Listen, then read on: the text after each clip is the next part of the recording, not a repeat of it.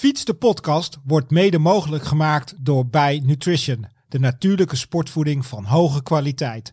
Boost your energy met Bij Nutrition.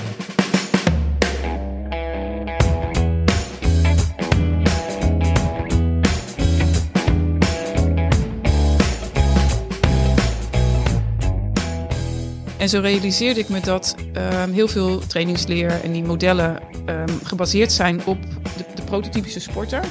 En die is jong, man, gezond en bovengemiddeld getalenteerd. En hoe meer je daarvan afwijkt, des te meer moet je eigenlijk zelf zoeken, zelf experimenteren. Ja, zelf wat van, de van, van dat rijtje dan tip Edwin ik alleen aan. Man, Ja, getalenteerd, nee. jong. Eh, eh. ja, ja, jullie passen ook al niet meer helemaal in dat Nee, plaatje.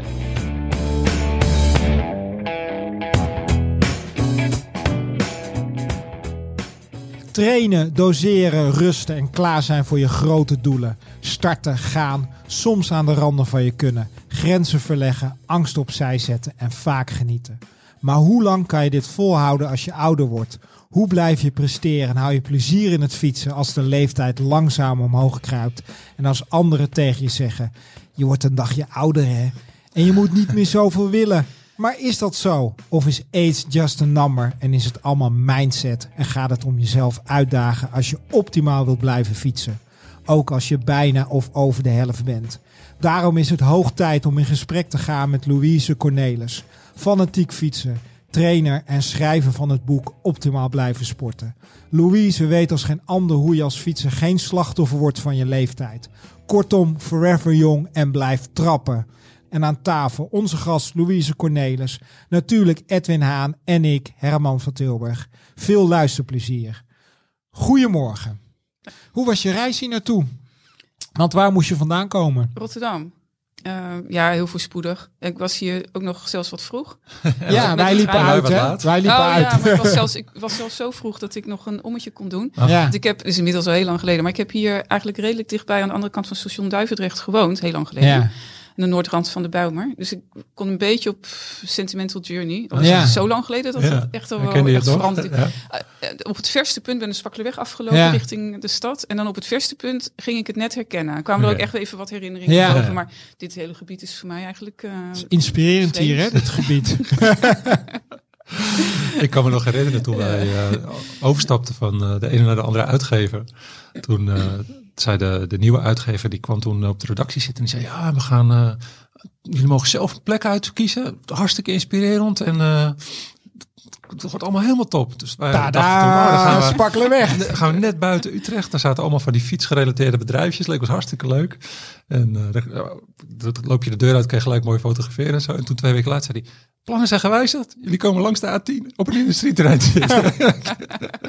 dus dat was niet helemaal goed. eh, het is wel perfect bereikbaar op alle manieren. Dat dan weer Maar wel, dat ja. dan, eh, dat Ja. wel, ja. Hey, ja. nou, daar Ja. doen we het dan maar voor. Hey, maar we zijn blij dat je bij ons aan tafel zit. En om je wat beter te leren kennen, hebben we een aantal vragen die we onze gast altijd stellen. Daar mag je kort antwoord op geven. Louise, wat is je favoriete ontbijt? Pannenkoeken. Ik ben sowieso echt een, een, een warm eten liefhebber. Ik heb heel graag iets warms erbij. Ook soep bij de lunch en zo, dat soort dingen. Of, of brood uit de oven met een kaas eroverheen. En bij mijn ontbijt eet ik dus het allerliefst pannenkoeken. Ja. En eh, mijn man bakt die één keer per week ongeveer. En die gaan dan gewoon de koelkast in. En ik doe er ochtends steeds eentje in, eh, in een magnetron. Oh. En hoeveel dagen kan je daar dan van eten?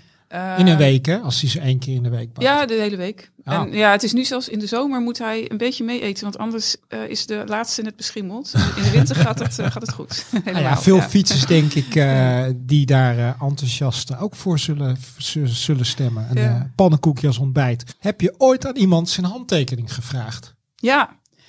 Ehm, ja, dat was zelfs nog heel leuk. Ehm, ik eh, heb al heel lang hamsters als huisdieren. En die vernoem ik naar wielrenners.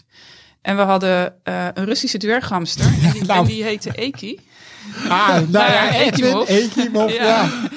En ik heb, oh, dat is inmiddels echt al heel lang geleden, bij de start van de eh, Ronde van Nederland. Dat was toch een goede sprinter, Ekimov? Tijdrijder. Een tijdrijder, vooral. ja. Ja, ja. Bij de start van de Ronde van Nederland in, volgens mij, Middelburg. Eh, heb ik Ekimov dus op, om een handtekening gevraagd bij een foto van hamster Eki. Ah. Grappig was, een paar dagen later won hij die ronde ook nog. Eh, Ekimov, niet de Ja. hamster, maar de wielrenner. Ehm, ja, dat was fantastisch. Het was voor mij ook voor het eerst dat ik... Bij welke ehm, ploeg reed hij? eh, ja, hoe heette het? Nou, Sky zeg ik nu, maar dat is natuurlijk niet zo. US Postal. Ah, Toen dus nog, hij volgens mij. reed hij gewoon met de... Heeft hij met, de, met, met Lens gereden? Ja, ja, hij was ehm, grote luitenant van Lens, eh, bijvoorbeeld eh, in de uh, kasseienritten. Ah, Vlasjeslav Eh, Jekimov. Ja, ja. Het- Je spreekt het in de Russisch uit als Ja. Jeki, Jekimov, inderdaad. Maar de hamster heette Eki. Eki. ja, zo werd hij in het Nederlands ook gewoon veel, eh, Ja. veel genoemd. Ehm, ja, en die, die, dat plaatje, dus die foto met die handtekening, hangt bij ons in het trappenhuis thuis als heeft een ereplaats. Grappig. Het was toen ook voor het eerst dat ik ehm, ervoer hoe toegankelijk eh, wielrenners zijn. Ja. Bedoel, Ekimov was, was voor mij een hele grote held en, en ineens stond ik met hem te praten. Ja. Hoe reageerde hij jij met een foto van Ja, een hamster aan kwam zetten? Hij gaf geen krimp. Nee? Geweldig toch? Ik, hij vond het ook wel grappig. Ja. Of ja, hij vond het in ieder geval niet iets heel Nee, erg raars, nee. geloof ik. Eh, nee. Gewoon nee, en een aantal jaren later eh, ja, heb ik trouwens niet om een handtekening gevraagd. Maar een van, dat is denk ik, ja, eh, mijn dierbare herinneringen. Eh, ik ben daarna een heel grote fan, fan geweest van, eh van Fletcher. Ja. En bij de toerstart De in 2010, de pijl, ja. ja. Bij de toerstart in 2010 eh, heb ik met Fletcher staan praten. Nou, ik wist niet wat me overkwam. Dat was toen in Rotterdam fantastisch. Ja, ja. En ik heb gewoon met Ja. hem staan ouwehoeren alsof het de normaalste zaak van de wereld was. Het was wel heel bijzonder. Het is Juan Antonio Fletcher, hè? Ja, ja, de- dat zei ik altijd. Daar ben ik stiekem een beetje verliefd op. ja. Dat heb, Snap heb ik, hem toen ook staan bekennen, zeg maar. En mijn man was erbij om foto's te maken. Zo van, ja, dat mag mijn man niet weten. ja, ja, dat was, dat was, ja, ja, dat was echt fantastisch. Ik, ja, dat was echt een soort droom die uitkwam. Dat je gewoon, ik, ik gewoon met Fletcher kon Ja, dat, maar dat is Ja. natuurlijk mooi. Het is nog steeds wel een beetje zo, hè? Fietsen. Ja. Ja, het is Veel iets, eh, het is iets. Het was toen al iets anders, want daar was dus ook Lens bij. eh, Ja. toen in die Ja. ploeg. En dat was dus al iets afgeschermder Ja. dan, dan dat het anders was, maar nog steeds. Dat was eigenlijk toen de heel makkelijk. befaamde comeback van Lens 2010 Ja. in de Tour. Ja, klopt. Ja. Met, Ja. eh, dat was gezellig geweest, hè, die drie weken samen met Contador. Ja. Ja, ja, ja. Ik heb eh, eh, Armstrong nog zo voorbij zien schuiven Ja. op, de, op de Erasmusbrug waar ik stond te kijken Ja. bij, de, bij de start. eh ja, God, heb ik toen echt met volle teugen van genoten. Die toerstart in eigen, in eigen stad, dat was, dat was een en een half feest. Alles, die ploegenvoorstellingen. Volgens nog mij was het happening NK journalisten daarvoor. Ah, dat kan niet. De- ik heb toen ge- ik heb de NK journalisten Ja. toen in Rotterdam Ja, gereden ja. en toen stond het publiek al klaar voor de tour. Dus Oh ja, dat is ja. echt voor Ja, mij natuurlijk druk. bizar dat er gewoon duizenden ja, mensen naar mijn wedstrijd aan het kijken waren. Druk en één, Ja. één groot feest, dagenlang Ja. was het toen. Want het was de proloog. eh, Ja, vanaf de- op de Erasmusbrug. etappe, Ploegenvoorstelling. Ja. Ja, ja, dat was. En ging maar door, ja. Rotterdam 2025. Ze zijn druk bezig met de Tour. Is dat al toegezegd? Dat weet ik eigenlijk niet. Dat heb ik niet definitief gehoord. nog. Nou ja, we, we gaan het in ieder geval even opzoeken. Hey, de volgende vraag. Wat heb je vanuit huis meegekregen? Nou, wel ook het fietsen. De, ehm, mijn ouders hadden geen auto. Dus ik heb eh, van jongs af aan overal waar ik naartoe moest, moeten fietsen. In de Zeeuwse wind. Eh, dat is ook wel grappig, want mijn broer heeft daar, is echt de schurfte fiets aan overgehouden. Die heeft niet eens meer een fiets. en ik, bij mij is het kwartje de andere kant op eh, gevallen. Ehm, mijn moeder fietst ook heel graag, vo- vooral mijn moeder. Ehm, we hebben een andere moeder trouwens, mijn broer en ik. Dat, dus misschien speelt dat ook nog wel een beetje een rol. Ehm, ik, ik heb ook voor een deel wel eh, de, degene van mijn moeder, of de soort gunstige combinatie van de twee, waardoor ik ook goede benen heb om te Ja. fietsen. Misschien ook net iets meer dan mijn broer. Eh, ik ben net iets potiger, zeg maar. Dus ik heb Ja. net iets meer kracht eh, op de pedalen, relatief dan. Hè? Maar ja, ik heb dus het, het, het- deels het moeten fietsen, maar deels ook de lol van fietsen wel van huis uit eh, meegekregen. Ja, buiten, buiten liefhebbers. Mijn moeder was ook eigenlijk gewoon altijd buiten. Ja, Eh zwierf ook heel graag, heeft ook sportieve dingen gedaan in de bergen in Noorwegen, wat in haar tijd nog heel bijzonder was ook. Eh, dus dat is zeker wel, eh, ehm, nou, daar heb ik zeker wel, dus de appel niet ver van de boom gevallen. Hey, wat heb je nog nooit gedaan, maar zou je heel graag willen doen? ik zou het ook wel spannend vinden. Eh, ik, ik hoorde het in een eerdere podcast van jullie, maar een keer op de baan fietsen. Het lijkt me trouwens wel ook eng, maar dat is wel Aanraden. gaaf. Ja. Het is echt ik hoorde geweldig. jullie daarover praten. Ja. Ik denk, dat, ja, eh, dat, dat lijkt me nou wel spannend, maar met een beetje goede begeleiding. Ja, Dat kunnen ze doen. in, Dat, in eh, om, Sloten, om in. Amsterdam, daar kunnen ze heel goed. Nou ja. Je kan dat echt Mm. gewoon een clinic en Ik, Ah. hoor, ik hoorde jullie podcast erover praten. En toen dacht ik, zou ik wel verpand. Er is geen één baan ten zuiden van Amsterdam. Dus het is allemaal wel, wel ja, Amsterdam is op zich goed te bereiken hoor, maar het is wel ver weg. Apeldoorn ik weet het, voor Rotterdammers ver ligt dat soms wat gevoelig, maar, maar ze doen dat echt in Sloten met Ja. heel veel liefde en aandacht voor, Ah, ja. eh, voor iedere cursus. Ah, Dus dat is echt, eh, echt, echt leuk om te doen. ze, doen ze daar ook in Gent? Ook In- in het. Kuip- Ja, je hebt ook nog die, Kuipke, die ja, andere baan. Je hebt, Ja. ehm, de, de topsportbaan zit in dat park buiten Gent. Ja, dat weet Kuipke weet ik niet, maar dat is, dat is natuurlijk helemaal het mekka. Maar ga, maar ga het doen. Het is ja, echt heel leuk. nou ja. Welke rituelen of onhebbelijke gewoontes heb je? Nou, ik weet niet of dat een. Het is misschien bijna het gebrek aan ritueel. Maar wat ik wel als een soort onhebbelijkheid heb, is. Ik ben best wel verstrooid. Dus ehm, als, ik, als ik bijvoorbeeld ga fietsen. En ik denk dat ik klaar ben. Dan op het allerlaatst is altijd iets wat ik vergeten ben. En dan heb ik dus alles al dicht. Weet je wel, alles al op slot. En denk ik. Oh shit, mijn puntje, puntje, puntje. Nou, vul maar in. Oh, ik ga wel eens weg zonder helm op mijn kop. Of kom ik erachter van, oh, geen bidon bij me. Of op het allerlaatst denk ik, handschoentjes. En waar zijn nou mijn handschoentjes? En dan vind ik alleen maar twee linkerhanden en zo, dat soort. dat Je bent soort eigenlijk een beetje de vrouwelijke frère. Ja, dat vind ik wel een heel groot compliment. Dat vond ik ook fantastisch, toffe wielrenner. Ja. Ook, ook trouwens inderdaad daarom. Ja, die leek echt altijd met alles bezig behalve fietsen. Precies. En dan won hij wel. Ja, dat dat, is was ook een kwaliteit, geweldige eh, figuur. Ja. Dus dank voor het compliment. Graag gedaan. En wat is je favoriete film? Ehm, de- ik heb niet echt dat ik zeg één film in mijn hele leven. Maar ik ben wel net de afgelopen jaren. Is wel één film die op mij echt werkelijk verpletterende indruk heeft gemaakt. En dat is ehm, Slag om de Schelde. Ja, Ik, ik kom uit Vlissingen. Ja. En ehm, mijn, ik heb een oude vader eh, die gewoon de, de oorlog heeft meegemaakt. Die gewoon tijdens de Slag om de Schelde eh, in Vlissingen woonde. En ik heb Slag om de Schelde voor het eerst gezien ehm, in Vlissingen. Dus op een paar meter afstand van waar het allemaal plaatsvond. Nou, die eerste keer dat ik die film zag, het was voor mij één grote rollercoaster aan emoties. Ja. Omdat het zo dichtbij kwam dat ik dacht, dan zie je zo'n shot met, met Vlissingers langs de, de straat. Ik denk, dat had in het echt mijn vader Ja. kunnen staan. En er was nog er was een heel nare scène in de duinen. Ja, dat zijn de duinen waar ik, ik als kind altijd Ja. speelde. Dus dat, dat, was zo, dat was zelfs die eerste keer bijna te heftig qua emoties. ja. Dus ik dacht, nou, die moet ik nog een keer zien en dan iets rustiger. Dus ik ben er nog een tweede keer naartoe gegaan. Maar ook echt nog wel dingen van geleerd. Ik, ik wist natuurlijk echt al wel wat van de geschiedenis, maar nog lang niet alles. En eh, het heeft ook een soort beelden bij die geschiedenis gegeven. Dus dat was, eh, het was natuurlijk ook gewoon echt een goede, mooi gemaakte ja film. bijna Maar on-Nederlands. ja, on-Nederlands eh, goed inderdaad. En ik vond hem echt, ja, nou heel heftig dus ook, maar ook, ook echt enorm Ja, indrukwekkend. eigenlijk Ja, onderbelicht, onderbelicht verhaal. Ja. Eh, We kennen natuurlijk heel veel verhalen vanuit Nou, dat de Tweede Wereldoorlog. Maar ook heel goed aan dat die prachtig voor in, die in beeld gebracht. Ja, ja. Hij is te zien op Netflix. Ja, Ehm, ja, dus het is. eh, een aanrader. ja, hij is in de bioscopen geweest, maar is nu is, was er eigenlijk gemaakt voor Netflix. Ja. En is hij nog steeds zo. Hey, ja. eh, de meest gebruikte app op je telefoon.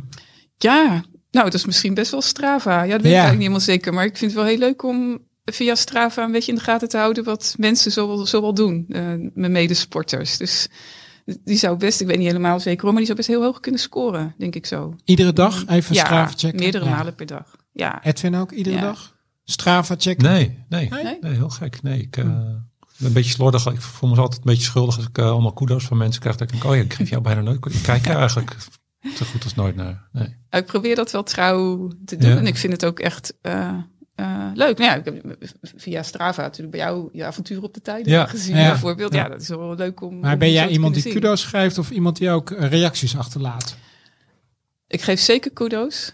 Eh, en als ik iets bijzonders zie, reageer ik wel. Ja. Dat vind ik ook wel leuk om ook, af en toe te doen. Ja, zeker. Ik vind het ook leuk om zelf reacties te krijgen. Ik probeer ook, ook van mijn eigen Strava wel iets te maken. Dus ik denk ook altijd wel na over tekstje en hoe ik het Ja, activiteit zal titel, noemen. en zo. ja. Eh, ja, ja, ja, zeker. Goede eh, ja. foto's. Foto's ook soms, ja, zeker. eh, ja.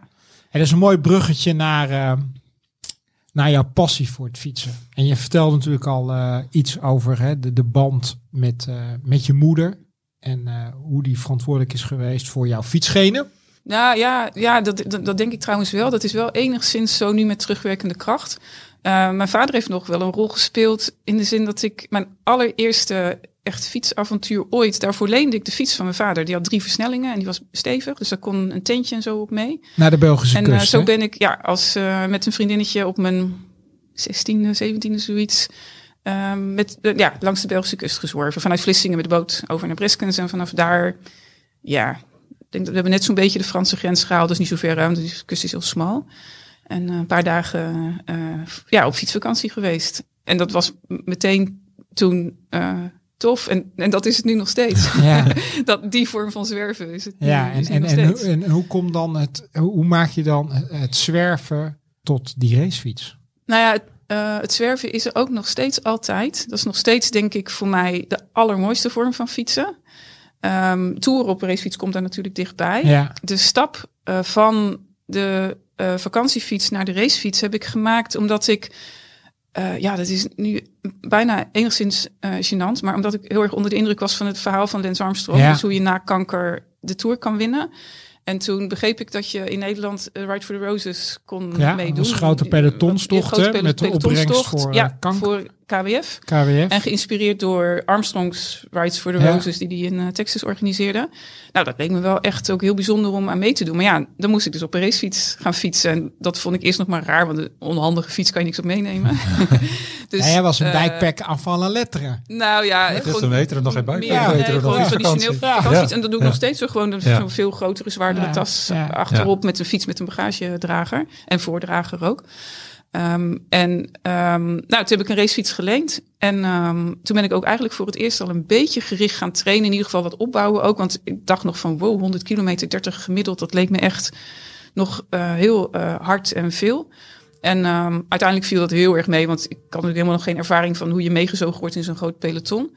En eh, reed ik er dus eigenlijk heel moeiteloos eh, uit. En dan vond ik die kick van die snelheid en het gemak van zo ver fietsen er ook wel bijzonder. En toen dacht ik, dat wil ik ook best wel vaker doen. En toen heb ik dus ook een eigen racefiets eh, gekocht. En nou ja, toen hoorde ik dat je ook in de Alpen kon fietsen, net als, net als in de Tour de France. En nou, dat leek me ook wel geweldig. Ja. Ja. ja, toen ben ik dat gaan doen. En geïnteresseerd geraakt in, in, in, in trainen. In hoe je dat dan ook echt opbouwt. Hoe je dan op zo'n moment ook op je best kan zijn. Dus ik ben ook al vanaf ja, begin van de eeuw heb ik het nu over. Dus 2001, 2002 eh, bezig met trainingsleer. En, en hoe, kan ik goed eh, worden.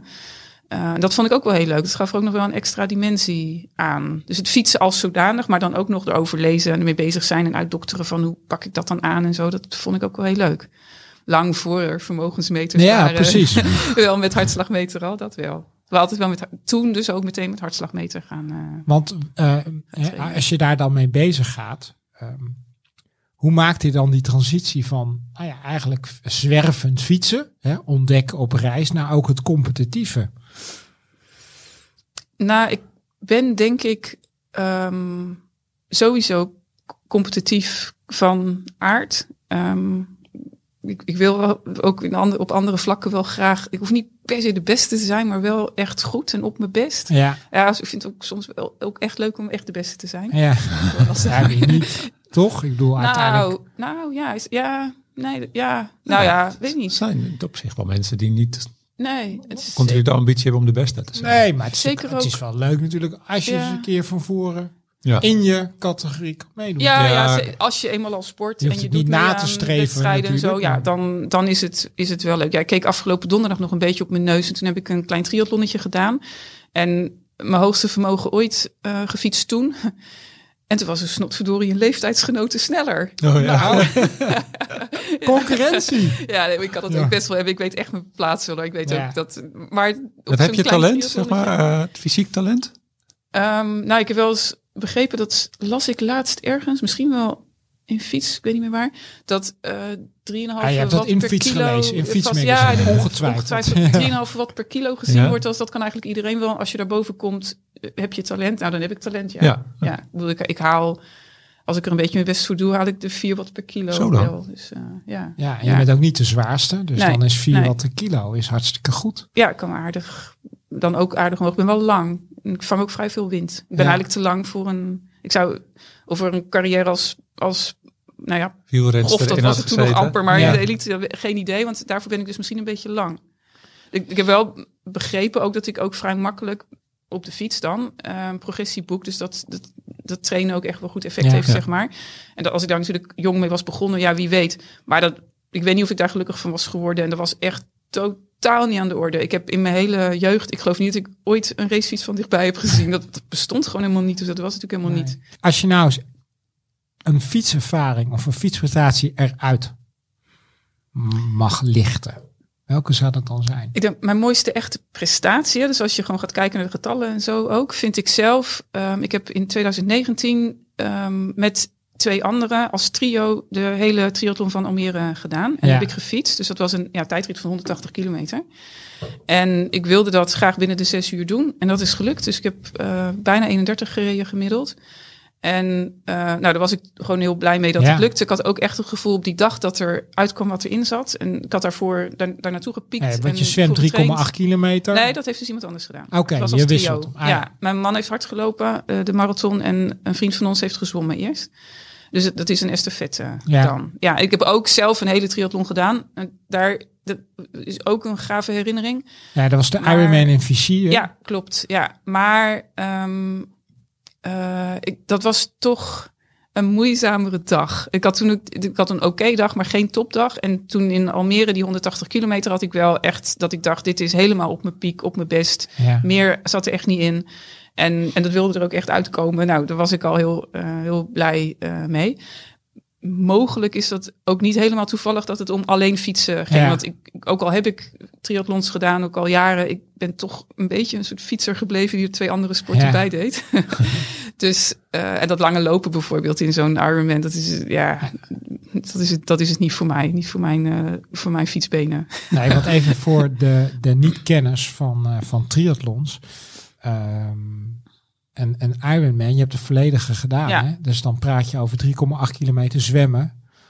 180 kilometer fietsen. En dan gewoon de marathonafstand 42,3. Ja, Ja, eh 42,195. 42,1. Nou ja, maar ga er maar ja. aan staan. Ik ga het niet doen. Ja. Nee, dat is gekke werk. Dat is ook Ik zo. moet er. Nee. Nee, ja, dat is ook echt. Sowieso is triathlon natuurlijk absurde sport. Ja. Ik kan me nog herinneren, mijn man deed dus, eh, toen ik die leerde kennen, deed hij elk jaar één triathlon van uh, Binnenmaas, de Hoekse Waard, waar hij vandaan komt. En ik ging voor het eerst kijken en ik dacht, ja, echt, slaat helemaal nergens op dat fietsen, oké. maar dat je dan daarvoor gaat zwemmen, daarna gaat lopen, is echt, die, die sporen niet hoor. ja, een paar jaar later ben ik het ook zelf gaan doen en het blijkt ook heel leuk buitenspeler te zijn, maar het is natuurlijk toch ergens, als je het van iets meer afstand bekijkt, is het absurd, ja. maar ook leuk dus. Hey, en eh, je hebt al zoveel eh, op de fiets gedaan. Ja, triathlons tot eh, fietswedstrijden, tot aan reizen met je fiets in eh, Nieuw-Zeeland, Afrika, Tasmanië. Wat heb je dan nog op je bucketlijst over? Ja, want De baan. ja, nou ja, die is mooi inderdaad. Ja, want ik dacht net van de- mijn mooiste prestatie als prestatie is die 180 kilometer. Ja. En mijn mooiste fietsreis is wel die eh eh, Down Under geweest. Dus Nieuw-Zeeland en Tasmanië, wat we vijf jaar geleden gedaan hebben met z'n tweeën, een man en ik. Ehm, dus eh, dat is op een andere manier de, de mooiste fietservaring. En nou, daar kan ik nog wel meer dingen voor bedenken. Wat we nog willen gaan doen, dat is, staat binnenkort of ja, volgend jaar hopelijk eh, op het programma. We, we moeten nog twee biertjes gaan halen. Ehm, dat, dat leg ik uit. we zijn eh, nu tien Ja, jaar want geleden... veel, veel, veel fietsers houden natuurlijk ook wel van een goed En- biertje. Ja, dat geldt voor mij ook. Voor Ja. hem ook, zeker. Eh, we zijn in 2013 langs, eh, vanuit huis langs alle toenmalige trappistenkloosters, dus de brouwende trappistenkloosters, gefietst. Dat was een idee uit Grinta toen ooit. Ja, En, Belgische wielermagazine. Ja, en we hebben dat op naar ons eigen hand gezet. En zijn toen in drie weken dus langs alle kloosters gefietst. En dat was toen een rondje in Nederland, België en een klein hortje over de Franse grens. En sindsdien zijn er trappistenkloosters bijgekomen. En zodoende zijn we het jaar daarna al in een weekend heen en weer naar Zundert gefietst. Voor Ja, maar hoeveel, hoe, en, en hoeveel closers moest je aftikken? In, Toen, eh, rekenen, acht. Zeg ik dat goed? Ja, acht waren het er toen. Nou, de negende dus het jaar daarna. Afgelopen september eh, zijn we naar eh, de tiende gefietst. En dat was ehm, in de buurt van Leicester in Engeland. Dat was in een week te fietsen met, met de boot zo ehm, de Mount St. Bernard Abbey. Ja, Eh, en daar hoorden we dat de eh, Amerikaanse, die ook sindsdien begonnen was, ermee was gestopt. En dat, dat hoorden we dus daar in het klooster. We keken elkaar aan en we dachten, oh, dan is het mogelijk om de verzameling compleet te maken. Want naar, naar, naar Amerika fietsen, ja, dat, daar konden we ons geen voorstelling mee, mee maken. Maar nu zijn de resterende twee dus wel bereikbaar. Dus die twee biertjes moeten we nog gaan halen. Maar dat is wel um, Trefontana in een buitenwijk van Rome en Engelstel in uh, Oostenrijk onder Salzburg. Ah, dus ja, die kan je uh, wel mooi fietsen. Ja, ja, dat precies. Dat, dat gaan we goed dus in één reis doen. Ja, Ja. We gaan, uh, als, dat is het plan nu om volgend jaar in de zomer vanuit huis uh, naar die twee bestemmingen te fietsen. en Fiets je dan terug ja. of vlieg je dan ja, terug? nee, de fietsen terug. Fiets je ook Ja, tenminste, dat is nu wel het idee, want dat hebben we tot nu toe altijd gedaan. Ja. Dus het is altijd een Ja, jullie spelen gewoon niet huis. vals. Dit, Nee. dit zijn wel echt hardcore Ja. Heerlijk. ja, bikepackers. Ja, ja, ja. Wat- ja, wat is- ja, fietsvakantie. Ja, ja. Nog steeds met gewoon traditionele tassen. Maar Ja. inderdaad, eh, kijk, bikepack is natuurlijk eh, enorm populair geworden. ja, Ehm, heb je nog één gouden tip voor, eh, voor mensen die beginnen met bikepacken? ja, doe het echt als vakantie. Dus doe het niet om de snelheid of de afstand of de topprestatie, en, maar doe het echt als, als totaal vakantie. Dus inclusief ook heb lol in het eh, opbouwen en afbreken van je tent. En stop lekker onderweg om, eh, om van de lokale koffie met iets lekkers te genieten. Ja. En zo, dat soort dingen. Dus het is, het, is geen, het is echt geen, Geen wedstrijd of prestatietocht of zo. Het is echt vakantie. Dus hou, hou ook de afstanden zo dat het goed te doen is, dat het leuk blijft, dat je jezelf niet uitput. Da- Dan kun je heel lang eh, van, eh, van genieten. Tour de Trappistenkloosters. Ja, Mooi. ja, Ik, eh, ja, zou een Ja. keer mooi zijn, een verslagje ja. Hè? over de uh, Trappistenkloosters. Ja, ik vraag eh. me af of het eind nog te lezen is dan.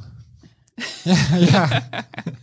Of het nog verantwoord is om naar het vierde klooster nog ja, verder te ja, ja, fietsen. ja, ja, maar- Toen we, eh, toen we die eerste trappistentocht eh moesten we op het eind langs, nog langs eh, Westmalle en ehm, Koningshoeven. En Is Westmalle net- ook die, dat klooster wat laatst in het nieuws was, die inderdaad eh, eh, heel veel biertjes die worden zeg maar blijkbaar door mensen weer doorverkocht. Ja, in, net als West-Vleteren. Oh, Westvleteren Ja. in de zwarte handel. Ja. Ja. Oh. Dat is meermaals verkozen tot beste bier van de wereld. En Ja. dat is heel beperkte oplage. En dat Ah, wordt dus ja. inderdaad voor veel geld doorverkocht. En dat willen ze nu proberen te omzeilen in Nederland door het via echte sluiterijen Ja. te gaan uitbrengen. Oh, in West-Vleteren hadden we echt fantastische ervaring. Dat we daar gewoon, we hebben een biertje zitten drinken met een broeder binnen in het klooster. Dat was echt geweldig. Ehm, maar toen we in Westmalle en Koningshoeven eh, waren, daar hebben ze veel bieren. Dus dan moet je oppassen dat je niet alles gaat proeven. en het was toen net ook 34 graden of zo. Oh, dat is een En dan uitstekende komt het combinatie. overdag komt het lekker Ja. aan. Dus dat is inderdaad een beetje zo zwalkend naar de camping. Na de hand. Dat was wel een beetje zo, ja.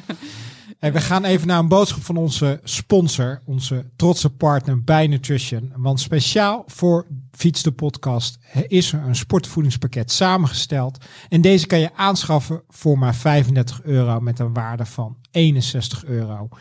Een box met repen, gels, isotonen, sportdrank en twee soorten shots. Ga naar bij.nl slash fiets of gebruik even de link in onze show notes op fiets.nl. En gebruik de code podcast voor een dikke korting van 40%. We gaan het hebben over jouw boek. We hebben het boek hier liggen. Optimaal blijven sporten voor 45-plussers. Waarom heb je dat geschreven?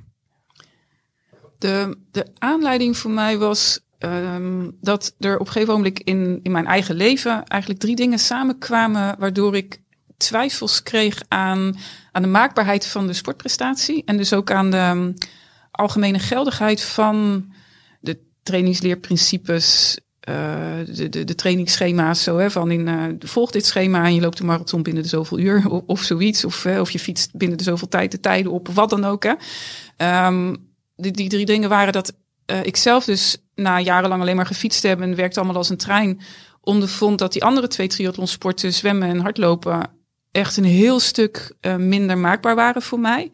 De, ik heb nog steeds ook moeite met die twee sporten gewoon op niveau houden en, en brengen en ook goed zijn op het moment dat ik goed wil zijn.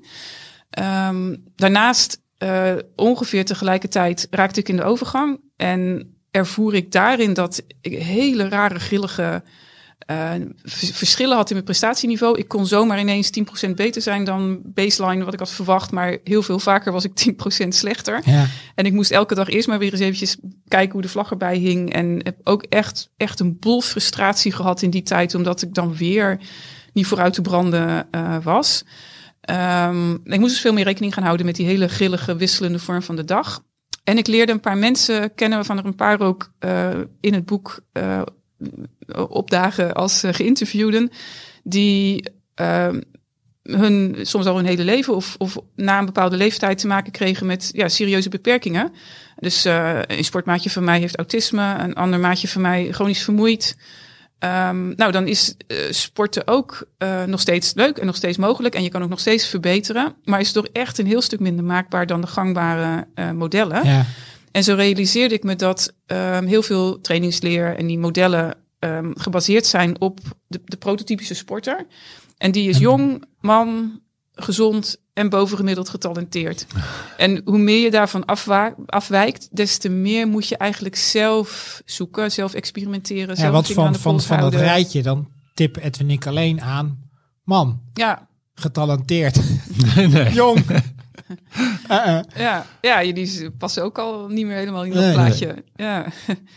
Ja, nou ja, misschien ga je dat ook al merken, maar een van de dingen die, die naar voren is gekomen ook in de interviews die ik hield voor dit boek, is dat veel ouder wordende sporters ook zeggen dat hun prestaties minder voorspelbaar worden. Ja, want, want, want je zegt ook hè, op de uh, omslag van het boek voor 45-plussers. Ja, ja um, dat is een beetje een willekeur. Of, die, die leeftijdsgrens is enigszins willekeurig. Um, ergens boven de 40 gaan uh, veel sporters wel ervaren dat ze een dagje ouder worden. Ja. Um, die 45 uh, heeft er ook nog weer mee te maken dat dat ook de leeftijd is waarop bij vrouwen die overgang ja. begint. En dat, dat is natuurlijk toch iets, daar kan je niet omheen als je ook voor vrouwen wil schrijven. Um, en ergens zo rond die 50. Ik ben overwogen, het zou ook voor 50-plussers kunnen zijn. Maar dan is het ook nog een beetje wel een gedachte achter dat, dat dat ook weer afstoot. Dan word je echt oud in zijn ogen van sommige ja. mensen. Maar dit is dus, ook gewoon uh, geschikt natuurlijk voor... Tenminste, ik heb het gelezen. Ik vond het... Uh, en, en ik haal nog niet die 45. Tenminste, ik zit nog niet op die leeftijd. Ik zit daar wat onder.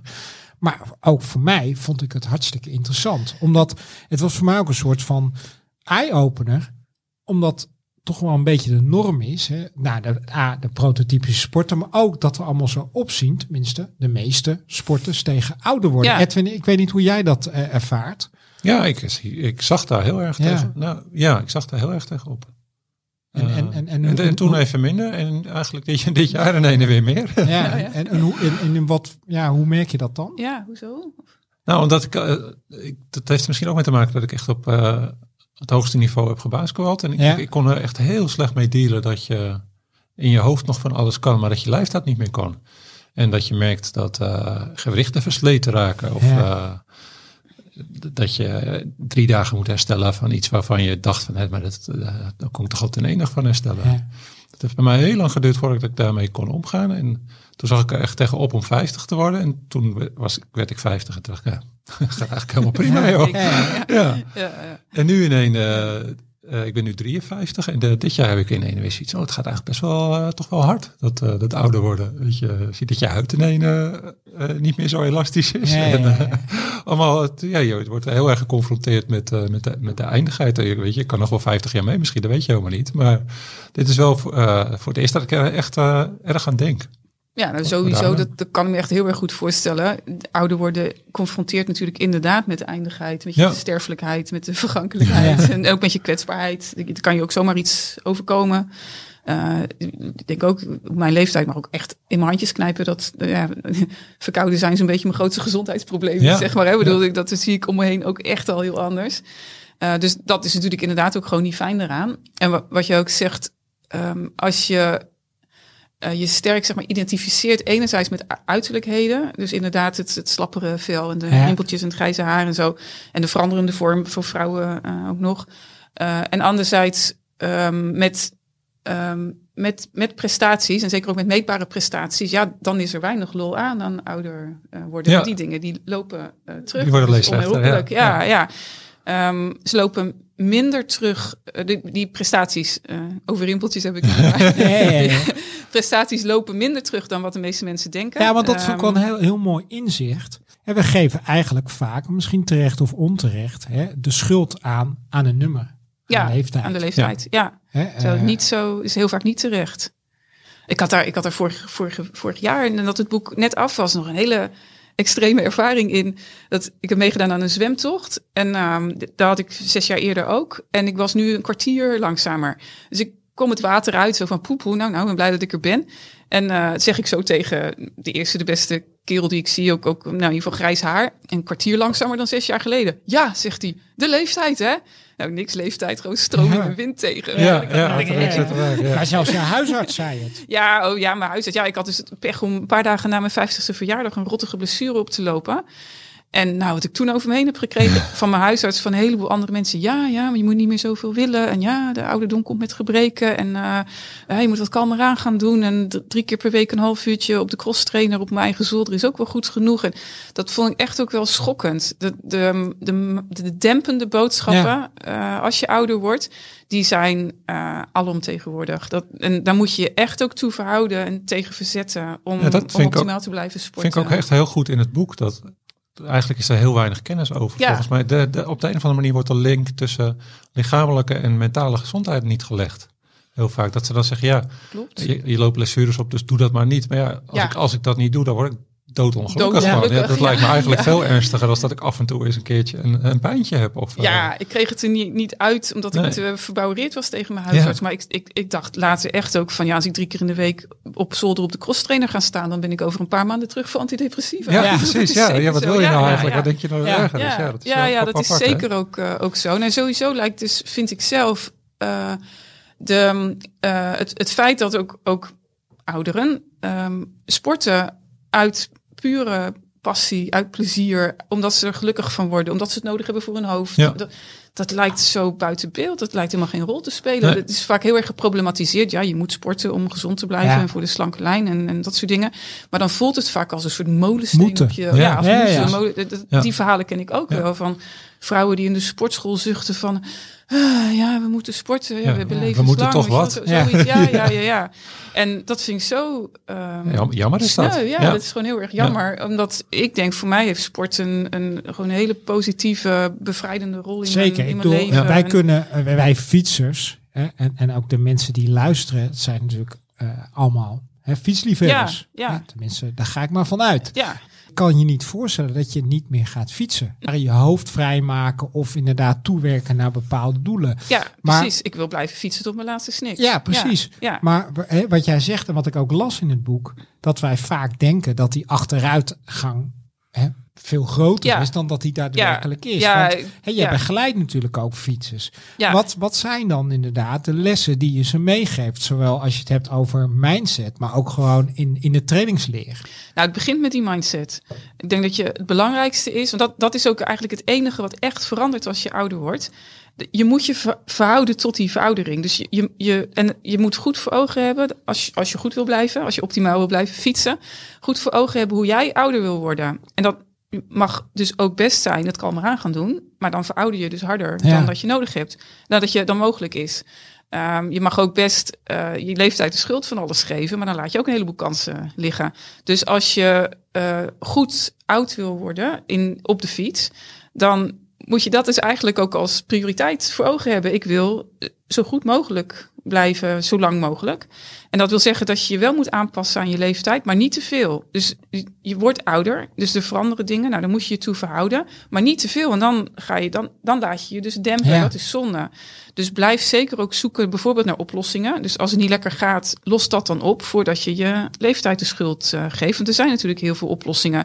Dus eh, blessures, kwaaltjes. Ja, daar speelt de leeftijd misschien een rol in. Maar de leeftijd als zodanig veroorzaakt geen blessures. Dus ga zeker ook nog steeds naar de fysiotherapeut en, en, of naar de bikefitter. Ja. Of los het op. Eh, als het allemaal niet meer zo lekker gaat, kijk dan naar je trainingsaanpak. Kan die beter? En, en hoe die beter kan, is eigenlijk helemaal niet anders dan, dan voor jongeren. Het is nog steeds gewoon veel langer rustig en soms kort Gewoon hard gepolariseerd, gepolariseerd trainen. trainen. Ja. Dat blijft gewoon eh, eh, werken. Je lichaam blijft er ook nog steeds gewoon op reageren. Je bent nog steeds, ja, je, je, je, je reageert nog steeds op trainingsprikkels. Dan word je sterker en dan word je beter en dan kan je het langer volhouden. Dat, daar verandert eigenlijk niks aan. Hooguit moet je een beetje meer eh, zorg dragen voor dat lichaam. Dat wordt gewoon wat minder vergevingsgezind. Dus misschien kan je het herstel een beetje helpen. Of heeft het het nodig om ehm, is wat meer eh, te rekken of wat meer krachttraining te doen.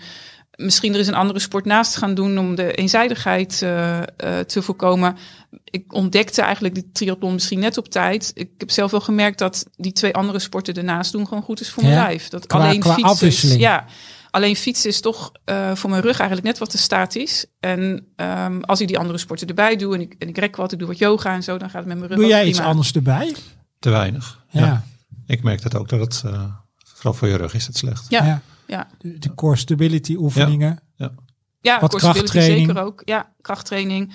Ehm, maar zelfs ook hardlopen. Hardlopen wordt natuurlijk ook zelfs een beetje gepromoot inmiddels vanwege Ja, de wij hebben van, collega's eh, die, eh, die, die betaald worden, denk ik, voor de hardloopbond. Oh ja, ja. ja. Eh, ja, twee ja. marathon. Ja, ja, marathonlopers die... Oh, je eh, hoeft helemaal niet per se met hele marathon te gaan lopen. nee, maar, maar de- zeker... deze, deze slaan erin door. Oh, ja, ja. ja, die- ja. Nou ja, zeker voor botdichtheid is het Ja, die botdichtheid, ja, dat- dat is dat echt speelt als je oud voor wordt. fietsers. Ja, en eh, sowieso voor fietsers. En zeker Ja. ook als je daarbij ook nog heel erg op je gewicht let. Maar ook natuurlijk voor vrouwen, waarbij je osteoporose eerder toeslaat. Dus eh erbij hardlopen is, is sowieso al heel goed. Maar eh, hardlopen heeft natuurlijk ook meer die, eh, die dynamiek, eh, die kruiselingse beweging meer voor je rug Ja. en bekken en Ja. zo. En dat, dat, mij helpt dat. Dat houdt het gewoon wel net wat, eh, wat soepeler. Ik vind het gelukkig ook leuk om te doen. Want ook daarvan zou ik zeggen, doe het niet tegen heugenmeug. Nee. Maar als je het leuk vindt om te doen, is dat zeker ook wel goed. Net, net zoals inderdaad een beetje yoga, eh, core stability, krachttraining, eh, nou noem maar op. Dat kan allemaal wel helpen om, om ja, dat net iets minder vergevingsgezinde lijf op sport te houden. Ehm, en je kan ook veel bereiken met echt heel goed je trainingsaanpak uitdokteren. Wat, wat werkt voor jou? Hoe Maar wat, jij... wat, wat zie je dan hè, met, met nou ja, mensen waar je mee in contact bent of die je begeleidt over ehm, het, het, het trainen? Zie je dan veel gemaakte fouten? Nou, de meeste gepassioneerde sporters, oud en jong, doen gewoon te veel. Dat is heel simpel. En te veel, te hard, te lang. de, dat idee van dat, eh, dat je altijd hard moet en, en dat eh, trainen is eh, diep gaan en, en heel veel doen. Dat zit er toch bij ons wel heel diep, eh, diep in. Ja. En als ik een trainingsschema maak voor iemand anders, is heel vaak de eerste reactie: huh, zo weinig? Ja, Ja, het, wat is, de, wat is bijvoorbeeld. Ja, wat is een ideale trainingsweek qua belasting? Hè, bijvoorbeeld voor eh, Edwin of ik. Hè, wij, wij werken gewoon natuurlijk Ja. 40 uur in de week. Eh, Hebben ook wat, wat sportieve doelen natuurlijk. Ja, hè, qua cyclo's of tijdritten. Ja, ik zou daar sowieso een, een uitgebreidere intake met jullie voor Ja, moeten doen. Zo van, wat, wat hebben jullie al gedaan? Ja. en, wat, en wat, wat hebben jullie al ervaren? Wat werkt en wat niet werkt? Eh, in het algemeen denk ik dat een aardige vuistregel is dat maar één training per week echt zwaar mag zijn. Ja, En, ehm, en dat kun je eigenlijk alleen maar zelf voelen. En dat is een andere eh, veelgemaakte ja, fout of, of wat veel voorkomt, zeker de laatste tijd. Is dat veel sporters te veel alleen maar naar de metertjes eh, zitten te kijken. Terwijl of een training zwaar is, dat, dat laat je eigen lichaam je weten. Dus dat is echt een kwestie van zelf voelen. En dat heeft dus ook met de omstandigheden eh, te maken. Als het eens een keertje akelig koud is of zo, komt een training harder aan dan, Ja. dan wat op je vermogensmeter is af te lezen. En eh, één training eh, per week zo thuiskomen dat je ook langer herstel nodig hebt. En dat je echt denkt van nou poepoe, jongen, jongen, nou nou poepoe, blij dat ik ben. Ja. dat, dat, is, dat, is al, dat is eigenlijk al, eh, al heel wat. En, ehm, en de rest van de trainingen kan je dan dus, moet je licht houden. En dat kan zijn rustig of nog rustiger. Het kan ook zijn dat je je kan nog steeds ook intervallen doen dan, maar die hou je dan eigenlijk zo eh, kort en zo in de hand dat je op het moment dat je uitgefietst bent en thuis komt eigenlijk alweer eh opgeknapt eh, bent. Dat is ook een lichte training. Hè? Dus licht en zwaar is niet per se rustig versus intensief. Ehm, want je, een, een hele lange rustige training is natuurlijk nog steeds ook gewoon echt wel zwaar. ja. Wat kan is voor jou, zijn, een, hè, eh, wat is voor jou een lange en rustige training? Ehm, dit jaar ehm, hou ik het eigenlijk redelijk, ja, voor mijn doen kort. Ehm, omdat ik ook een kort hoofddoel heb. Straks in augustus wil ik een tijdrit gaan rijden. Ehm, dus ik heb nu nog maar één keer bijvoorbeeld eh, vijf uur gefietst. Ehm, en en dat verteer ik trouwens ook eigenlijk heel goed. Dat gaat Ja. met fietsen heel, eh, heel makkelijk. Met lopen is dat echt voor mij heel anders. Een lange duurloop vind ik echt loodzwaar. Snap ik. dus, eh, dus een, een lange fietstocht nu ja, is op dit moment vier tot vijf uur. Maar goed, ik heb ook wel eens tien uur of langer gefietst Ja. op een dag. Eh, ja, die 180 kilometer toen ik daarvoor trainde. Dus ik regelmatig trainingen doen van minstens zes uur. En, je hebt, Heerlijk trouwens. ja, Ja. Ja. je hebt natuurlijk best ook veel aandacht besteed aan, aan sportende vrouwen. ja, Want wat je zegt, dat is eigenlijk een heel onderbelicht Ja. onderwerp. Wij zijn heel erg blij met onze columnist Ellen van Dijk. Ja, Ja. zeker. Hè, die ook echt eh, wel bijvoorbeeld laatst ook had over nou, wat menstruatie doet Ja, met sportende vrouwen. Ja, zeker Ja, met eh, topsporters. Met topsporters. Dat is eh, Ja. belangrijk, ja. ja. Nou ja, dat is goed dat het daarover gaat. En ze vond die, de, haar column was daar heel, eh, heel eh, eerlijk en open. En dat is denk ik heel belangrijk dat, dat daar dat, dat, dat gesprek ook gewoon gevoerd Ja. wordt. Dat het erover mag gaan, dat het taboe doorbroken Ja, precies. wordt. Ja, Het is wel, eh, het, het is inderdaad goed dat het taboe doorbroken wordt, maar ik, de oplossing zie ik even niet zo. Want eigenlijk kunnen die vrouwen alleen maar top zijn eh, als ze niet menstrueren, denk ik. Weet je, dat, daar ontkom je haast niet aan. Ehm, ik, ik heb net een boek gelezen. Er is net een boek uit vorige week. eh, een Engels boek. ehm, De Female Body Bible. Dat is van eh, The Well HQ. Dat is een, een groep in eh, vrouwen in Londen.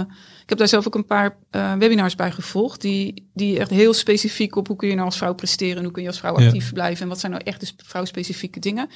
Eh, zij zeggen dat eh, een gezond vrouwenlichaam wordt gewoon ongesteld. Ja, dus- uiteraard. En we zeker, zijn het er dus- denk ik allemaal over eens. Ja, dat dat eh, dus, vrouwelijke eh, topwielrenners niet gezond nee, zijn. dan zijn. Precies, dan zijn ze dus niet gezond. Ja, nee, en dan zou daar dus aan, aan Ja. gewerkt moeten, moeten Ja, worden. maar dat betekent eigenlijk dat je het niveau omlaag gaat brengen. van het Eh, vrouwenwielrennen, Nee, ja, denk dus ik. zij zegt, nou ja, eh, dan moet ik een beetje invullen voor wat zij zouden zeggen. Nee, dus niet, want een gezond lichaam kan ook beter presteren.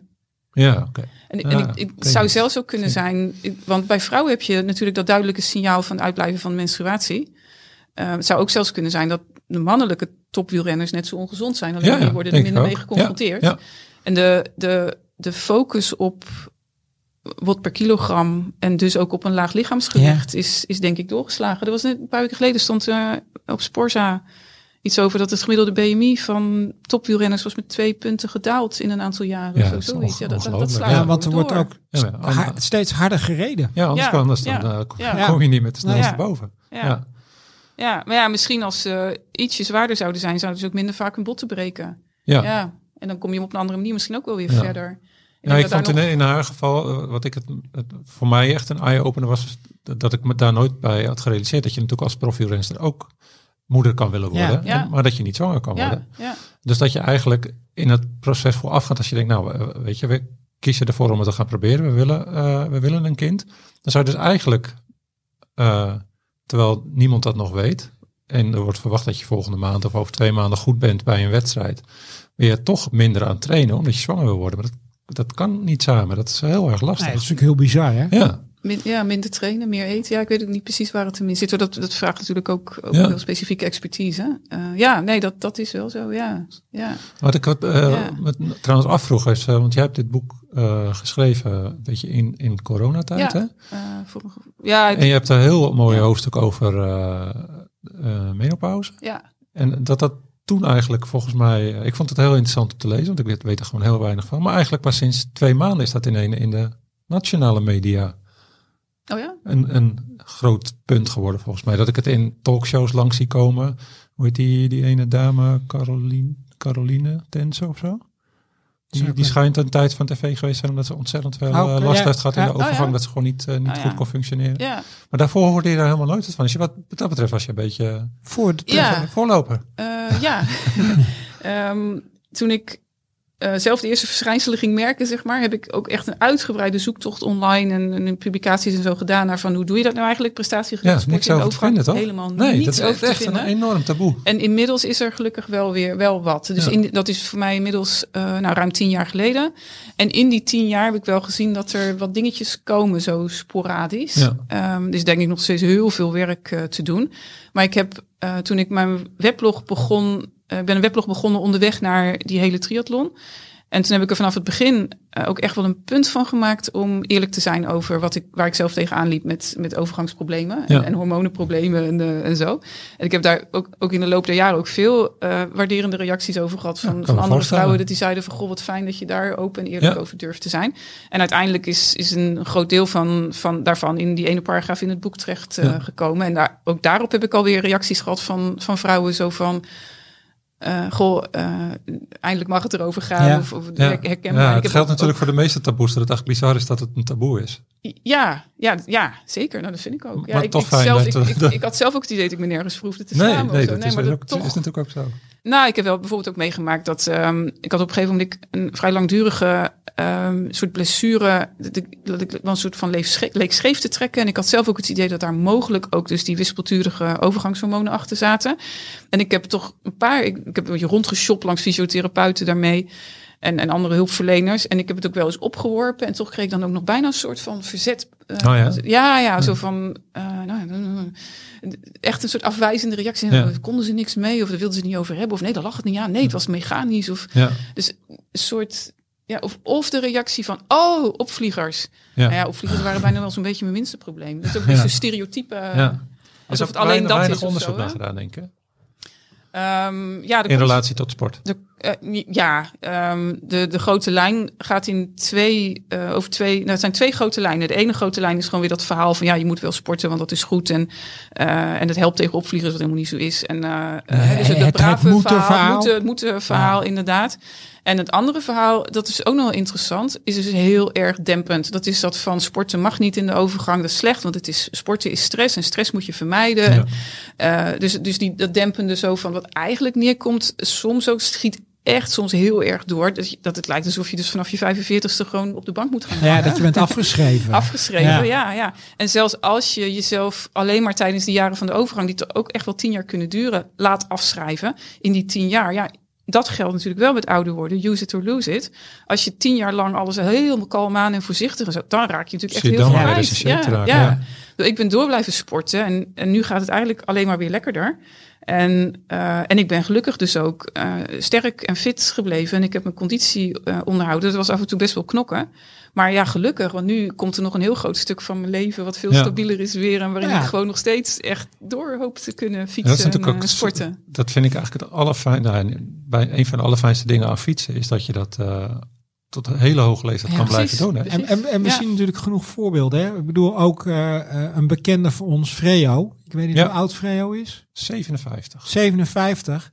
Maar die rijdt een hele hoop jonge jongens Ja. in, eh, weekend in, in, gewoon. in, in wedstrijden echt af. En Ja. die, die staat eigenlijk... Ja, het, het is, het komt bijna niet voor dat hij niet op het podium staat. Ja. En met de bloemen er vandoor gaat. Eh, maar die, Ja. wat je ziet, is hij een prachtig voorbeeld van ook.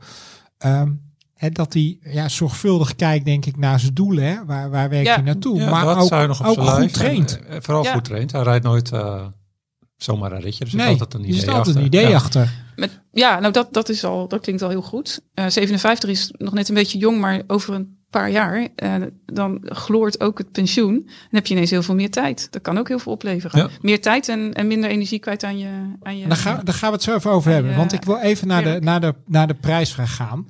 Want we hebben weer een mooie prijsvraag. Waarmee je het boek Optimaal Sporten van Louise Cornelis kan winnen. Eh, en dat is echt een aanrader. En een mooi sportvoedingspakket van onze partner By Nutrition. En de vraag is, wie is de schrijver? Dat boek was ook een inspiratiebron voor het boek Optimaal Blijven Sporten. Wie is de schrijver van het boek Fast After 50?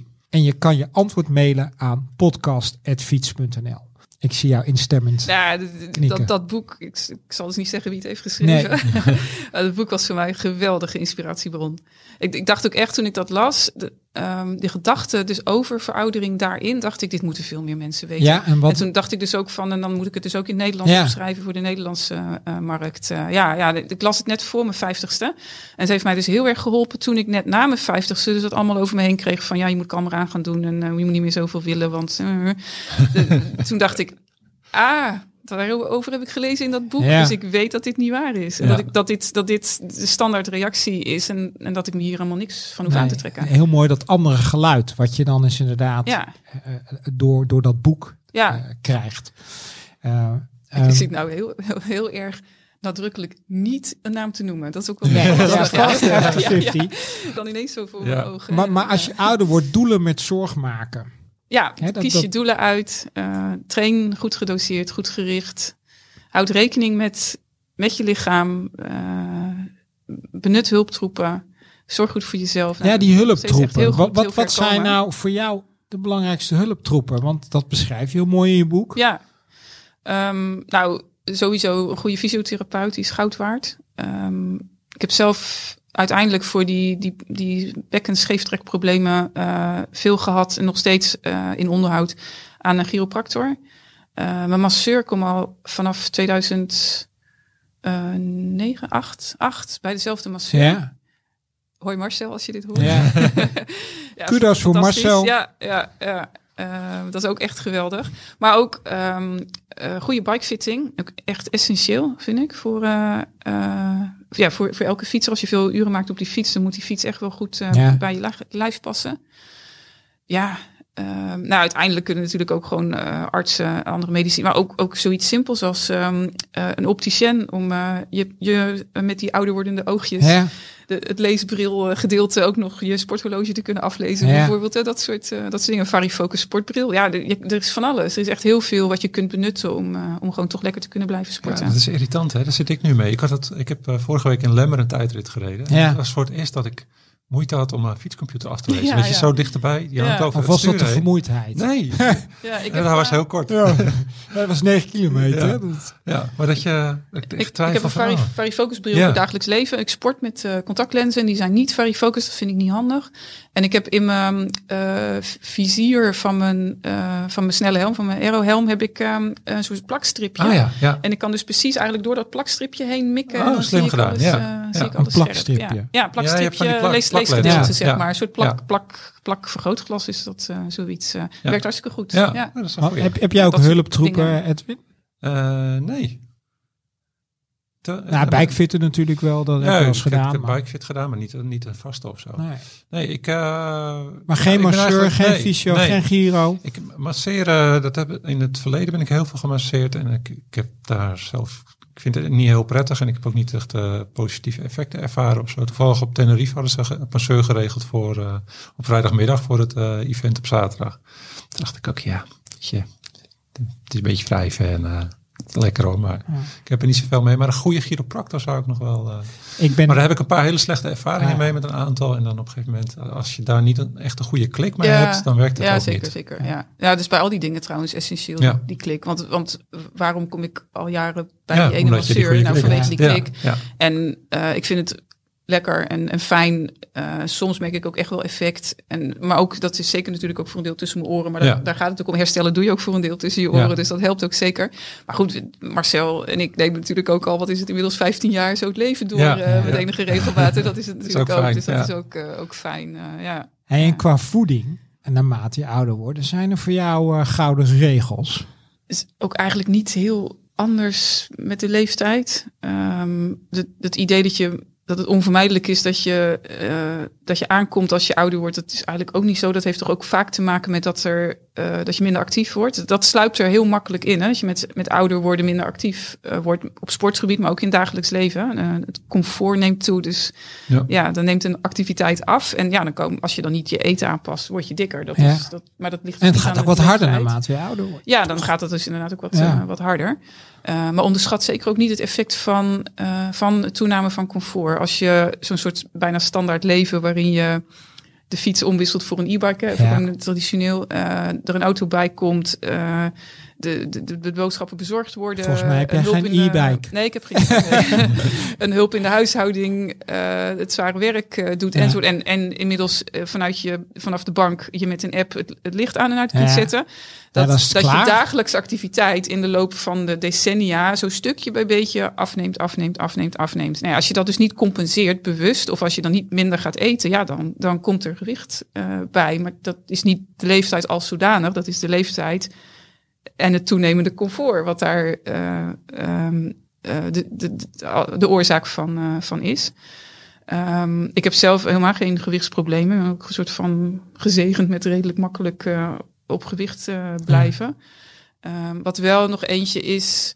Eh, ja, je hebt een beetje die standaard dingen, vitamine D, eh, voldoende eiwitrijk, voldoende gezond eten. Zo, maar dat is allemaal heel standaard. Ehm, Jawel, hoewel vitamine D wel vaak... eh, ja, wordt veronachtzaamd. Wordt, dat, is, dat is wel zo. Nou, voor, voor vrouwen raden ze het al aan. Boven de 50 mannen kan soms ook nuttig zijn. Maar zeker als je nog wat ouder wordt ook om bij te slikken. Wat nog een soort valkuil is. ehm, sporters, duursporters, fietsers zeker eh, vinden een biertje na afloop al lekker. Of zijn soms ook wel geneigd om net wat meer te drinken. En als je ouder wordt ook. Uh, dus, dus ik denk dat iedereen wel een beetje dat standaard beeld voor ogen heeft van de, de babyboomer die om drie uur s middags al begint met borrelen, zeg maar, hè, elke dag. En dan wordt het langzaam maar zeker meer. Die combinatie, dus de ouder wordende duursporter, is de alcohol wel ook een, uh, een, um, een, punt van zorg. In ieder geval, dat is ook iets waar je een beetje op moet letten. Ja. zeg ik ook tegen mezelf. Ja, zit jij net een beetje trappisten ja, ja, ja, ja, ja, ja, ja, ja. maar goed, dan fiets je dat er nog af, hè? Dus dat... Ja, ja. Nee, maar ik vind een glaasje wijn en een, een, een, lekker Belgisch biertje ook, ook eigenlijk net iets te lekker hoor. Daar moet ik ook wel echt een beetje mee, uh, mee oppassen, mee bezig blijven. Ik bedoel, ik heb, ben geen alcoholist of zo hoor. Nee. Niet echt een probleem. Maar het is wel, ik drink denk ik net wel iets meer dan wat uh, de officiële gezondheidsnorm voor vrouwen moet. Eén glaasje per dag, nou, dus wel eens meer. Hey, um, tot slot. Uh, hoe hou je nou het fietsen gewoon leuk en verantwoord voor jezelf? En ook voor je misschien dierbare? Nou, dat, dat vind ik. Ik vind zelf uh, vooruitdenkend. Als ik denk aan, aan blijven fietsen tot mijn laatste snik, vind ik uh, precies uh, dat het verantwoorde fietsen misschien wel mijn grootste punt van zorg. En ik vind, er gaat ook een paragraaf over. Ik heb echt zorgen over, ja, je zou kunnen zeggen, de leefbaarheid van de fietspaden. Dat als ik nu een rondje ga fietsen naar de duinen bij ons vandaan, de duinen van Voorne, um, dan ben ik in die duinen twee keer zo snel als, als, als de rest. Want er fietsen bijna alleen nog maar uh, ouder op e-bikes die alleen nog maar kunnen fietsen dankzij die e-bike. En dat ik echt af en toe denk, kan je zo langzaam gaan op, op, op een fiets? En die moet ik allemaal inhalen en ze fietsen allemaal naast elkaar. En ze vinden het allemaal eng als ik inhaal. En, uh, en zo, nou, ik generaliseer natuurlijk, hè, maar dat is wel het beeld. En dan kom ik terug in de stad of dichter bij de stad. En dan ben ik ineens de langzaamste en word ik voorbij geracht door speed pedelecs en fatbikes en, en scooters en, en, dat soort dingen. en stepjes. En step, stepjes. Ja, Vorige, gisteren toevallig nog een, een soort conflict gehad met een stepje. Oh, ja. ja. En ze houden zich niet meer aan de regels en aan hoffelijkheidsprincipes. En, en het is ook knetterdruk. En, en ik, nou, ik ben soms, ik, ik probeer me te gedragen, maar ook mij ontvalt wel eens wat. Het is, dat is denk ik ook onvermijdelijk. Um, hangt ook een beetje af van hoe relaxed ik zelf ben, hoe ik omga met, uh, met die, vooral met die hele langzame die ik allemaal moet inhalen. um, maar ik ben soms wel eens bang dat ik er zelf een keer bij kom te liggen. Ik heb toch ook echt wel een paar keer echt noodstops moeten maken en ben net goed weggekomen. Um, en soms ben ik ook wel eens bang, want je, je krijgt zelfs ook als vrouw met grijze haar nogal wat agressie over je heen. Um, dus ik ben soms ook wel eens bang dat er eentje het niet bij woorden laat. Dus en, en ook nog, als het heel druk is, kom ik niet toe aan die rust in mijn hoofd die ik nodig heb op de, op de fiets. Dus ja, heeft het niet, heeft het niet dat therapeutische effect, Precies. zal ik maar zeggen.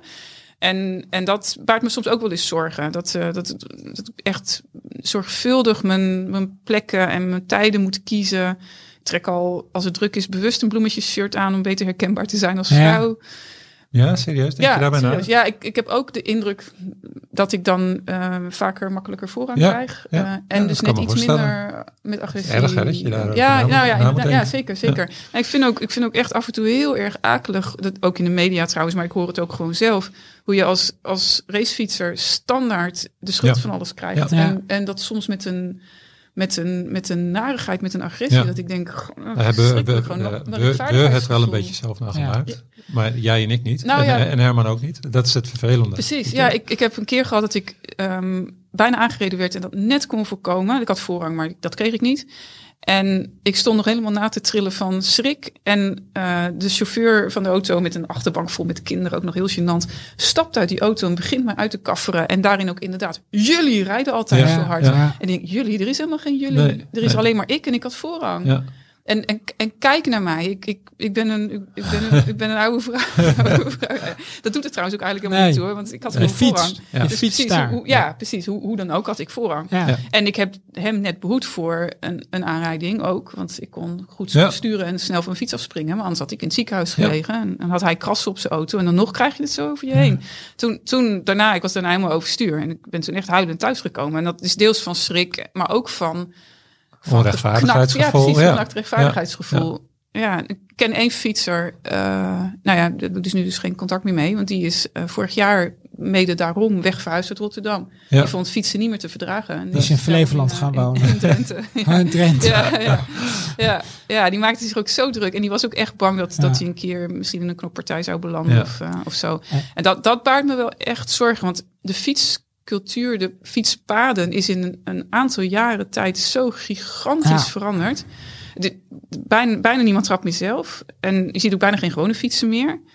En, nou ja, en dan, dan die, die sommigen gaan knetterhard en, nou ja, en anderen kunnen amper fietsen. En dat, ergens, en dat moet allemaal over dat hele smalle fietspad. Ja, je hebt het gewoon echt, over eh, verdraagzaamheid en rekening houden met elkaar. Ja. En, ehm, Ja, maar ook denk ik wel, en, eh, ik denk ook dat, eh, ik weet niet precies waar dat vandaan moet komen, maar ik denk dat er ook echt aan de infrastructuur dingen moeten Ja, veranderen. nee, Ja, maar daar dat, zijn dat, ze op zich wel goed mee bezig. Ja? dat is natuurlijk gewoon een uitdaging. Als- Zeker in de ja. steden is het natuurlijk gewoon een groot, groot onderwerp. Als ik vroeger vanuit Lelystad naar Amsterdam fietste, de redactie is op Amsterdam, dan moest ik eh, langs het spoor bij, eh, bij Almere. Nee, Daar- dat is nu tien keer beter. Daar moest ik echt minimaal twee keer, eh, twee keer flink in de remmen. En daar ligt nu zo'n zo'n Fietssnelweg. dubbelbreed eh rood Fiets- fietspad. Oh ja. Ja. Dat is echt eh, Oh ja?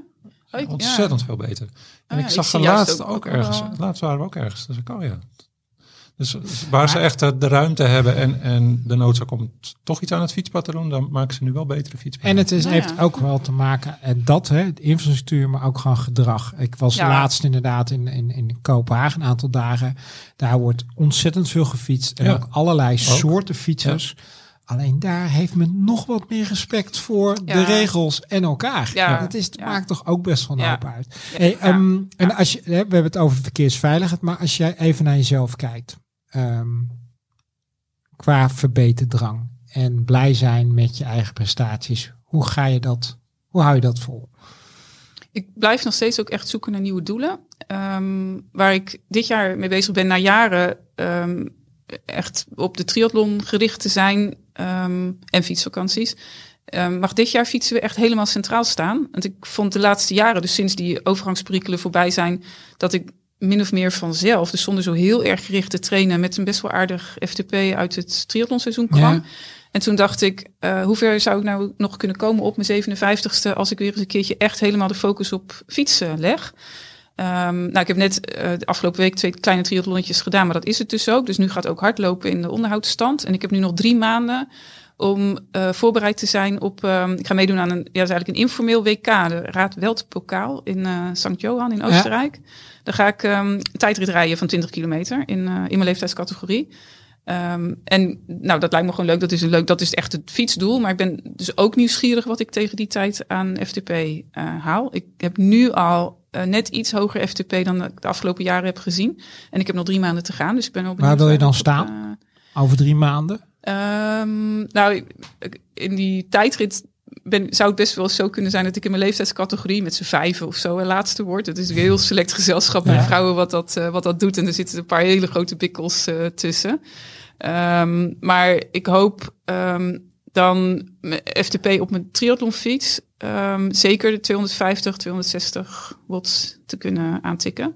Ergens daar die orde van, van grootte. Ik zit nu op net boven de 230 Mooi. zou moeten kunnen. Mooi doel. eh, denk ik. Zeker met taperen er nog bij. Dat doet bij mij ook altijd wel, eh, wel wat. Dus ben ik benieuwd naar. eh, dus ben ik wel benieuwd naar de getallen dan. Ja. maar ook gewoon, ja, ik hoop ook dat het lukt. Ik vind het nog steeds best wel lastig. Ook, ik, heb nog, ik train nu ook voor het eerst voor zoiets heel korts.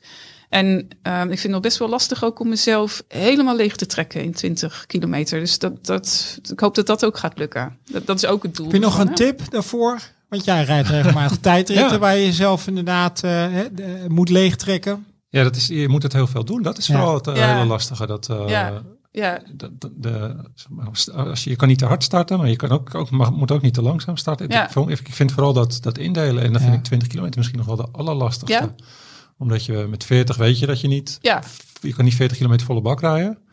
En eh 10 kilometer, dat, dat overleef je wel. Met 20 zit echt, Ja, dat is zeg maar een beetje de, de- wat is dat, de 1500 meter Ja. in de atletiek? ja, ja, ja, ja. Dat, eh, Ja. het zit eigenlijk net een beetje tussen echt eh, gewoon blind rammen en... eh, Ja, ja dat, dat is dus ook juist wel leuk. Want Ja, ik- ik vind dat ontzettend leuk. mooie- Maar mooie daardoor, ik heb, ik, ik heb nu heel wat tijdritten gereden de afgelopen twee jaar. Maar ik heb er nog nooit één gereden waarvan ik zei van, oh, deze heb ik nou helemaal perfect, eh, perfect uitgevoerd. Dat is ook lastig, hè? Het is altijd of ik start te hard, of ik start te langzaam, of ik heb te veel over aan de finish, of ik eh, ben voor- net voor de finish eh, is het vaartje leeg. En dat Ja. maakt het ook zo ontzettend leuk. Ik heb wel de maar, tijdrijden. maar twee oefentijdritten. Dus dat is eigenlijk niet zoveel. Oh ja. Maar, Ja. Ja. nou we gaan het, eh, we gaan het eh, volgen. Ja. Ontzettend bedankt, eh, Louise. Je kan het boek gewoon optimaal blijven sporten En het is echt een aanrader of je nou 45, eh 50 of daaronder bent. Het is leuk dat jij hem op steeds ophoudt. Want niemand ja, nee, dat klopt. in de podcast. En je hebt ook een mooie review hè, op de achterkant van het boek geschreven. ja, ik vond het ontzettend leuk om te lezen. Ik, eh, ik, ik, vind, ja, ik fiets natuurlijk al 40 jaar. Dus heel veel kende ik al, maar was even nog leuk om te lezen. Eh, maar vooral dit stuk over het vrouwensporten, dat vond ik zelf ook interessant Ja. om te lezen. En eh, het is superleuk dat je al die mensen hebt geïnterviewd in dat boek. Het was ook echt heel erg leuk. Ja, ik kan me voorstellen dat dat leuk is om te doen. En, eh, heerlijk bomen met ja. medesporters. Ja, Ja. dat was echt eh Dus fantastisch. eh, ja, ja. het is, eh, heel prettig om te lezen. En dit is ook wel echt een boek dat je af en toe nog weer eens even terug Zeker, want je denkt, hoe staat dat eh, ook alweer? En dan het, eh, ja, plus ook gewoon inderdaad, age is just a number. Ja. Zullen we hem daarmee afsluiten? Zetten we in de show notes, eh. In de show notes die komt hij. te bestellen is. Ja. Zeker. Eh, dank voor het luisteren. Abonneer je op Fiets de Podcast via je Favo Podcast app en laat een fijne review achter. Want zo zijn we ook makkelijker te vinden voor andere fietsliefhebbers. Vragen of opmerkingen mail ze dan naar podcast.fiets.nl.